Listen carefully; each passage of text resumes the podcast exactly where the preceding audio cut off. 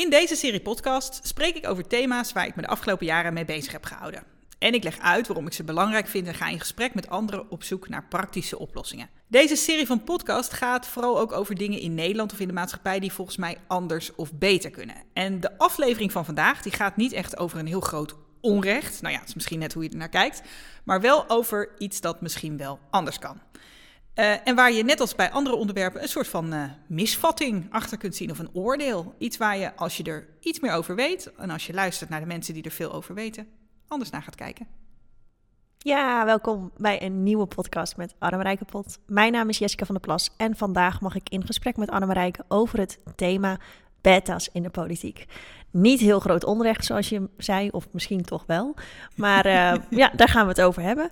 Um, want waarom? Waarom is dit belangrijk en hebben we het erover in deze podcast? Nou, in ieder geval, waarom ik het erover heb, is omdat ik een beta ben. Of althans, volgens de, de, de meeste definities wel. Gaan ik we het zo uh, ook over hebben? Ja. ja. Nou, ik, heb, ik heb gestudeerd uh, aan de TU. In, ik ben in 2002 ben ik afgestudeerd. Dat is, voelt alweer als ancient history. Maar TU Delft? De TU, ja, de Technische Universiteit in yes. Delft. En ik heb uh, industrieel ontwerpen gedaan daar. Dus dat is een, uh, dat is een uh, ja, studie waar je producten leert ontwerpen eigenlijk. Dus ik, ja, dus ik ben dan een beta. En nou stond er een paar weken geleden stond er een, een artikel in de Trouw over beta's in de politiek. En daar had ik, dat had ik op LinkedIn gezet met een, met een stukje erbij natuurlijk ook omdat ik ook kandidaat voor de Tweede Kamer ben. En nou, daarin zei van nou, hallo, hier is er dan, hier is een beta ja. in de politiek. en het grappige was dat ik daar echt onwijs veel reacties op kreeg. En um, nou is natuurlijk mijn LinkedIn is natuurlijk niet, uh, um, ja, hoe zeg je dat? Uh, statistisch helemaal... Nee, representatief. nee, nee, niet echt. Omdat het natuurlijk, daar zitten natuurlijk heel veel mensen, oud-studiegenoten en oud-professoren en zo van mij zitten daarbij. Maar desalniettemin dacht ik, oh, dat is eigenlijk wel een heel mooi onderwerp om eens over door te praten. Het is wel interessant nou, waarom mensen hier zulke sterke meningen over hebben. Dus ik dacht, nou, dat is wel leuk om dan ook eens um, uh, over verder te praten. Zeker. Ja, want je zei net al van ik ben een beta, of althans, ja, zo zeg je dat dan. Want er wordt best wel wat over geschreven. Beta, alpha, gamma. Ook weer dat het dan allemaal niet uitmaakt of dat het dan weer net anders is. Dus we houden hem even gewoon bij onze persoonlijke uh, insteek. Dus niet heel wetenschappelijk. Maar wat is een beta volgens jou? Of waarom omschrijf je jezelf dan toch als een beta? Nou, wat ik heel grappig vond, eigenlijk, zeg maar, terwijl ik studeerde, was ik helemaal niet zo bezig met het label van beta. Ik bedoel, dat was gewoon, de Delft was gewoon mijn universiteit en mijn studiegenoten waren gewoon mijn studiegenoten. En ik eigenlijk pas de eerste keer dat ik me echt realiseerde van, oh wacht even, het is toch wel echt anders, was toen ik zelf aan het werk ging en dat ik echt mijn eerste baan had.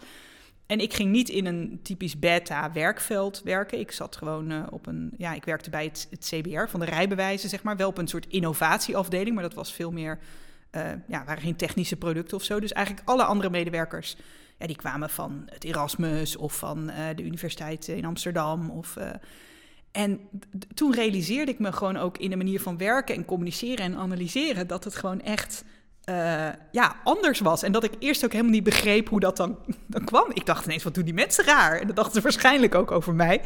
Maar dat ik dacht, oh ja, er zit toch wel een verschil in. En, ik en denk, waarom dan raar? Want je zegt, wat doen die mensen ja, raar? Is natuurlijk flauw. Nee, maar, nee, nee, maar nou. Maar is, ik denk dat ik achteraf denk ik dat ik dat het vooral het soort systeemdenken is, zeg maar, wat ik een beetje heb. Dus ik, ik, het is uiteindelijk toch een beetje dat ik.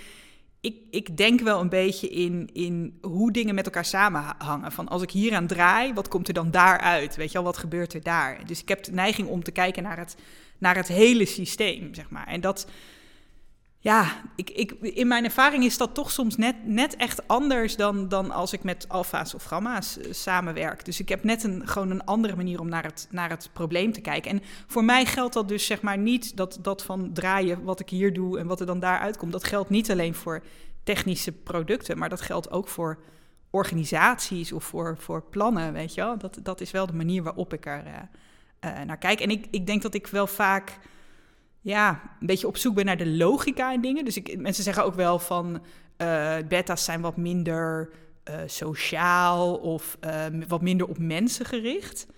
Ja, ik, de, ik, denk dat dat voor mij niet geldt. Maar dat weet ik niet. Ja, nee, als ik andere... ken je als een vrij sociaal persoon, dus ik zou zeggen nee, maar goed.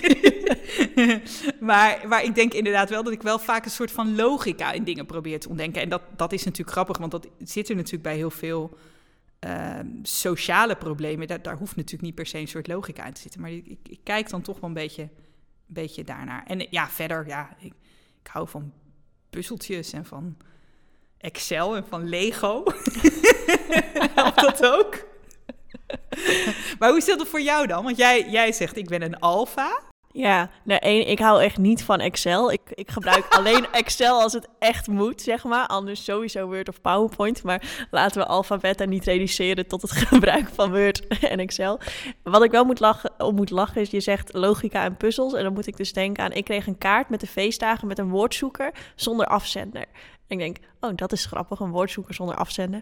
Gewoon tussen de andere kaarten gezet. En twee, drie dagen later zei ik tegen iemand op werk, denk ik, of zo van... Ah, ik heb een kaart gehad met een woordzoeker zonder afzender, zo grappig. En die persoon zegt, moet je dan niet eens die woordzoeker gaan maken? Want waarschijnlijk weet je dan wie de afzender is. En dat bedenk ik gewoon niet. Ik Jij had hem gewoon mooi op je Ja, ik denk, oh, een kaart, wat Leuk grappig. om naar te kijken. Ja. ja, ja. en dan bedenk ik niet, dat, ik hou dus ook niet extreem veel van puzzels. Ik bedenk dan niet uit mezelf dat ik zo'n woordzoeker kan maken om dan erachter te komen. Dus die logica, mis, zeg maar, mijn hersenen zien niet logica tussen, hey, een puzzel, eigenlijk nog geen oplossing. Misschien gaat de puzzel tot een oplossing ja, maar leiden. Ik, voor, voor mij zijn zeg maar heel veel van die maatschappelijke, ja, dat, dat, dat, dat klinkt een beetje slecht, want er zit natuurlijk, er zit vaak natuurlijk heel veel menselijks onder en veel menselijk leed natuurlijk onder. Maar, maar, maar at the end of the day zijn natuurlijk politieke of, of maatschappelijke uh, problemen zijn ook puzzels, zeg maar, zijn ook, ook dingen gewoon die complex zijn en die met elkaar samenhangen. En ik, ik vind het gewoon, naast het feit dat ik, dat ik dingen gewoon een groot onrecht vind en dat ik ze wil, daarom wil oplossen, maar vind ik het ook interessant om te kijken van wat, weet je wel, volgens mij kan dit anders. Wat gebeurt er als ik hier aan draai? Zeg maar ja, zo. ja, en ik zie gelijk weer je handen doen alsof het schakeltjes zijn. Dat zien natuurlijk de luisteraars niet.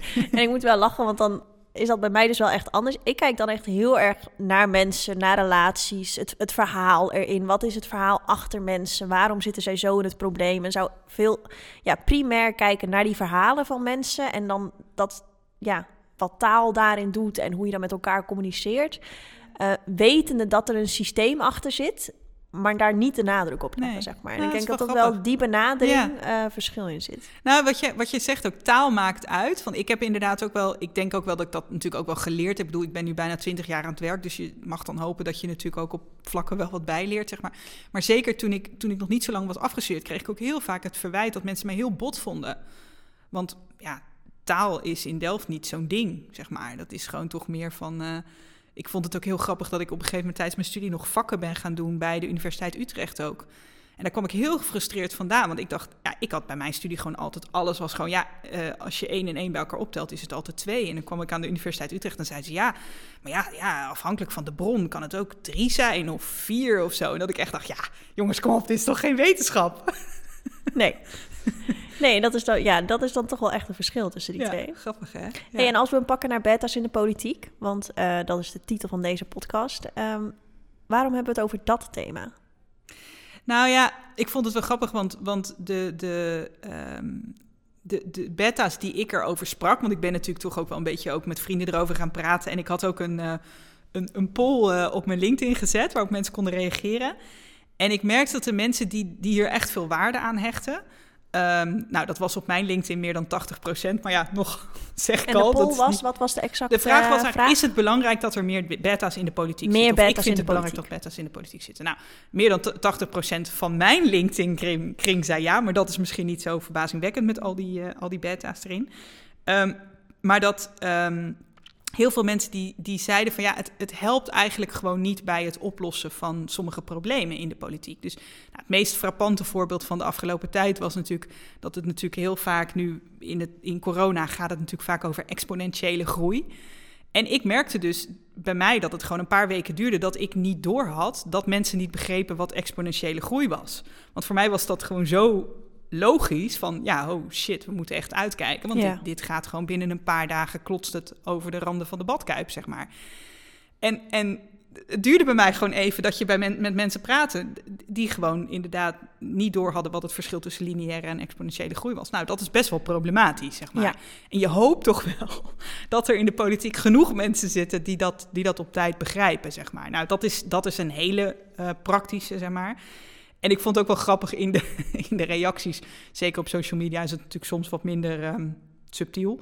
Maar dat er ook mensen zeiden die zeiden... nou, ik vind vooral heel belangrijk dat er wat minder juristen en bestuurskundigen in de politiek zitten. Dus nou, beta's, dat maakt me nog niet zoveel uit. Maar alsjeblieft minder van die mensen. Nou, dat mag ook. Um, of überhaupt minder academici, de mensen ook wel, vond ik ook wel een belangrijk punt. Maar ik denk dat de meeste mensen keken er toch naar vanuit het oogpunt van diversiteit. Dat ze zoiets hadden van als je problemen moet oplossen, wat je in feite doet in de politiek, uh, dan is het belangrijk dat je met veel verschillende mensen met verschillende achtergronden en verschillende blikken aan tafel zit, zet. En ja. nou ja, dat, dat, daar geloof ik ook heel sterk in. Ja. ja, zeker als ik jou ook al zeg van... ik kijk dan toch als eerste naar het systeem, naar de radertjes... de, de complexiteit achter het systeem. En ik juist, ik Jessica, uh, naar de mensen, de verhalen... dan denk je, ja, die samen is een, is een topcombinatie. Ja, precies. Dat... Volgens mij is er niemand die zegt... laten we alsjeblieft 150 beta's daar neerzetten. Nee. Dat lijkt me ook geen goed idee, weet je wel. Maar, maar inderdaad gewoon wel... Um, ja, wat, wat meer. En ja, er, er zitten gewoon natuurlijk nog een aantal andere um, aspecten, denk ik wel, aan. Gewoon naast die diversiteit. Ik, iemand die ik erover sprak, die zei ook, nou, ik, ik denk gewoon dat er nu een aantal grote thema's zijn die heel veel te maken hebben met toch wel de beta-kant van de, de, samenleving of de, de wereld. Uh, of het nou gaat over big data of dat het gaat over um, uh, uh, gentechnologie of weet je wel. En als je natuurlijk politicus bent, dan krijg je iedere dag heel erg veel verschillende dingen op je bureau. En dan moet je keuzes maken, zeg maar. En dat, veel mensen kiezen natuurlijk dan toch iets waar ze, wat ze snel snappen, waar ze affiniteit mee hebben, waar ze... En dat betekent dat als er weinig mensen in de politiek zitten die affiniteit hebben met dat soort thema's, dat die niet aan bod komen en dat nee. die misschien over het hoofd gezien worden. En ik denk dat we de afgelopen jaren ook hebben gezien, nou, big, ik vind big data vind ik een heel goed voorbeeld, waar denk ik we als politiek te laat wakker zijn geworden. Weet ja. je wel? Er, daar moeten dingen aan gebeuren. En dat hadden we eigenlijk al eerder moeten zien. hey, en we zeggen weinig. Is dat echt zo? Zijn er, er nu echt, zijn het alle, alleen maar mensen met bestuurskunde, juristen en geschiedenis? nou, alleen maar niet. Um, het, het, ik denk sowieso dat mensen niet altijd goed turven. Hè? Want ik denk dat ook als je puur natuurlijk op beroep turft. Ik, ik ben natuurlijk nu ook, ja, ik werk uh, veel met gemeenten, zeg maar. Dus ik werk niet meer in een puur beta uh, werkveld. Maar uh, de ingenieur, dat is zeg maar het blad voor, uh, voor um, veel mensen die aan de TU hebben gestudeerd in Delft. Ik vind dat dus grappig dat je dat zegt, want ik ken dat blad dus helemaal niet. Nee. En dat is zeg maar echt als in, jij leest andere dingen dan ik. Nou ja, nou de, de ingenieur, er, zijn, er gaan maanden voorbij dat ik hem niet lees. Nee, maar, maar je weet dat het bestaat, ja. zeg maar. Dat, dat is sowieso, wel, ja. En dat is als je dan alweer bedenkt, oh, we lezen andere dingen, we luisteren misschien ook wel andere podcasts. En... Zeker, ja. Ja, absoluut. Ja. De ingenieur dus, die maakte een, uh, een opsomming in 2017. Uh, en toen telden ze er uh, negen. Er zaten er wel twee bij D66 overigens. Maar dat zou dus 6% van de Kamer zijn. Nou, dat is niet zoveel. Ik, bedoel, ik, ik weet niet precies hoe we maatschappelijk verdeeld zijn in alfa's, beta's en gamma's. Maar 6% van de Kamer vind ik wel echt heel weinig. Ja, en dan, dan, ja, dan kom je dus die, die dingen, zeg maar, inderdaad met... wat ga je dan missen in een team? Wat ga je dan missen zeg maar, aan kennis in de Kamer. Ja. ja, en wat zou dat zijn? Wat gaan we dan missen? Nou ja, eigenlijk waar we het net een klein beetje over hadden. Hè? Dus, dus inderdaad de diversiteit, het, de verschillende manieren van het afpellen van het probleem, de affiniteit met bepaalde onderwerpen, de kennis over bepaalde onderwerpen. Um, ja, misschien inderdaad ook wel het netwerk in bepaalde werelden, weet ja. je wel? Dus het, wat voor soort experts hou je ergens bij? Nou, dat is misschien toch ook eerder ja, die professor waar je zelf uh, bij afgestudeerd bent ja. en niet... Uh, nou, iemand die je nog nooit eerder gezien hebt. Dus ja. Ja, zeker. Interessant. En uh, wat gaan we er dan doen? Want even nog even de oplossing. Ja, even oplossing. Nou, um, wat ik wel een mooie suggestie vond van iemand op LinkedIn, die zei: Nou, ik denk dat politieke partijen ook eens zouden moeten kijken naar de profielen die ze maken. Dus ik had voor de grap er eens even gekeken, want ik had natuurlijk dat profiel van de Tweede Kamer van D66 ook gehad. Ken je uit je hoofd? Sowieso, dat hangt boven mijn bed. ja. Um, en uh, nou, daar zie ik op zich wel een beetje, zeg maar, woorden en begrippen die, nou ja, die zouden kunnen appelleren aan allebei. Dus er staan ook dingen in over, weet je wel, je moet uh, hartstikke goed zijn, je moet een scherp analytisch vermogen hebben.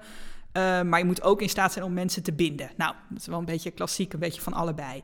Maar wat me wel heel erg opviel, was dat, het heel, uh, dat er wel heel veel dingen in staan die heel talig zijn. Dus het is heel erg, nou, dat zei jij natuurlijk net ook al een beetje, hè, van jouw achtergrond is wat meer op taal. En En, ehm, maar, maar wat er in zo'n profiel staat is van je moet goed kunnen spreken voor groepen, je moet goed kunnen spreken voor de camera, je moet kunnen overtuigen en kunnen onderhandelen. En, en nou wil ik niet zeggen dat, dat Delftenaren dat niet zouden kunnen, integendeel. Maar, maar ik denk wel dat als ik terugkijk gewoon ook naar mijn studie en de mensen die daar kwamen, vandaan kwamen, dat dat misschien niet gelijk in het straatje is van iedereen die daar vandaan komt. Dus dat is misschien echt nog wel iets om, om gewoon nog eens kritisch uh, naar te kijken. Ja. Ja, en verder kunnen mensen op mij stemmen natuurlijk. Dat, uh... Ja, subtiel. Stem, stem op Anne ja, nee, dat mag zeker even genoemd worden. Hey, en, maar misvattingen en oordelen op dit uh, onderwerp, want we hadden het daar ook over in de podcast over vrouwen in de politiek. Zijn er natuurlijk ook gewoon opvattingen die vrouwen tegenhouden om in de politiek te gaan, maar zo ook om misschien beta's in de politiek te gaan. Want als je al die talige mensen voor je ziet, die zo lekker flexibel spreken voor de camera, ook niet allemaal trouwens, maar los daarvan, wat zijn nou volgens jou misvattingen op dit thema? Nou ja, volgens mij is dat, is dat evident. Hè? Volgens mij in de voorbereiding van de, van de podcast zo net uh, hadden we het er al even over. En toen riep iemand gelijk nerds. Dus uh, ja, nou ja, dat is natuurlijk wel een beetje het beeld wat er, wat er heerst. En uh, uh, weet je wel, dat mensen denken, ja, dat is, het zijn niet mensen die heel sociaal zijn. Of misschien zijn ze ook wel niet zo heel politiek. Weet je wel, het zijn niet echt politieke dieren. En, en dus andersom, wat jij zegt ook. Hè? Dus dat mensen ook denken, ja, dat is niet echt iets voor mij. Want ja, ik, ik spreek niet zo makkelijk of ik ben niet zo... Uh... Ja, en dat, dat vind ik dus zonde. Omdat ik denk dat je... Ja, je hebt in de politiek zoveel verschillende kwaliteiten nodig. Weet je, je hebt inderdaad mensen... Weet je wel, even nog afgezien van beta of alfa of gamma... maar je hebt gewoon mensen nodig die um, diep in de materie duiken en zich daar helemaal in begraven. En je hebt mensen die nodig die de straat op gaan en met iedereen gaan praten. En, ja. uh, um, dus laten we het alsjeblieft niet terugbrengen tot dat, tot dat platte plaatje daarvan. En, en jij noemde vrouwen. Nou, ik denk dat het voor heel veel vrouwen bijvoorbeeld ook dat beeld wat ze van beta's hebben, ze ook tegenhoudt om dat soort studies te doen. Misschien hadden we wel veel meer vrouwelijke beta's op het moment dat dat stereotype niet zo groot was. Nee. Dus uh, um, ja, nou ja, goed. Dus ik denk dat het, dat het uh, um, ja, op, op al die vlakken zitten, denk ik, nog wat misvattingen waar we nou, misschien gewoon nog wel een beetje van elkaar zouden kunnen leren. Ja, en dus ook bij deze de oproep uh, aan de vrouwen en nog ook weer een keer aan de beta's van laat je niet weer houden. Precies, steek je hand op, doe mee. Ja, zeker. Want ik bedoel, we hebben er allemaal benefit van, denk ik. We, doen er allemaal ons voordeel mee op het moment dat, het, uh, dat er heel veel verschillende mensen in de politiek zitten. Ja. ja. Minder misvattingen. Ja. Iets meer verschillen. Ja, dat. Heb je nog een mooie eindboodschap? Nou ja, ik wil iedereen vooral weer even bedanken voor het luisteren. En jij voor je mooie vragen. Graag gedaan. En ik hoop dat mensen die uh, er nog niet genoeg van hebben, zich ook nog abonneren op de podcast. Uh, want dan, uh, dat kan via Spotify of via je andere podcast-app. Want dan hoor je automatisch wanneer er weer een nieuwe is. En als je nou over deze podcast of over iets heel anders met me in gesprek wil, dan kan dat. je kunt een afspraak met me maken via mijn website. Um, en er staat ook nog meer informatie in de notes bij deze podcast. En tenslotte natuurlijk, vergeet niet te stemmen op 15, 16 of 17 maart.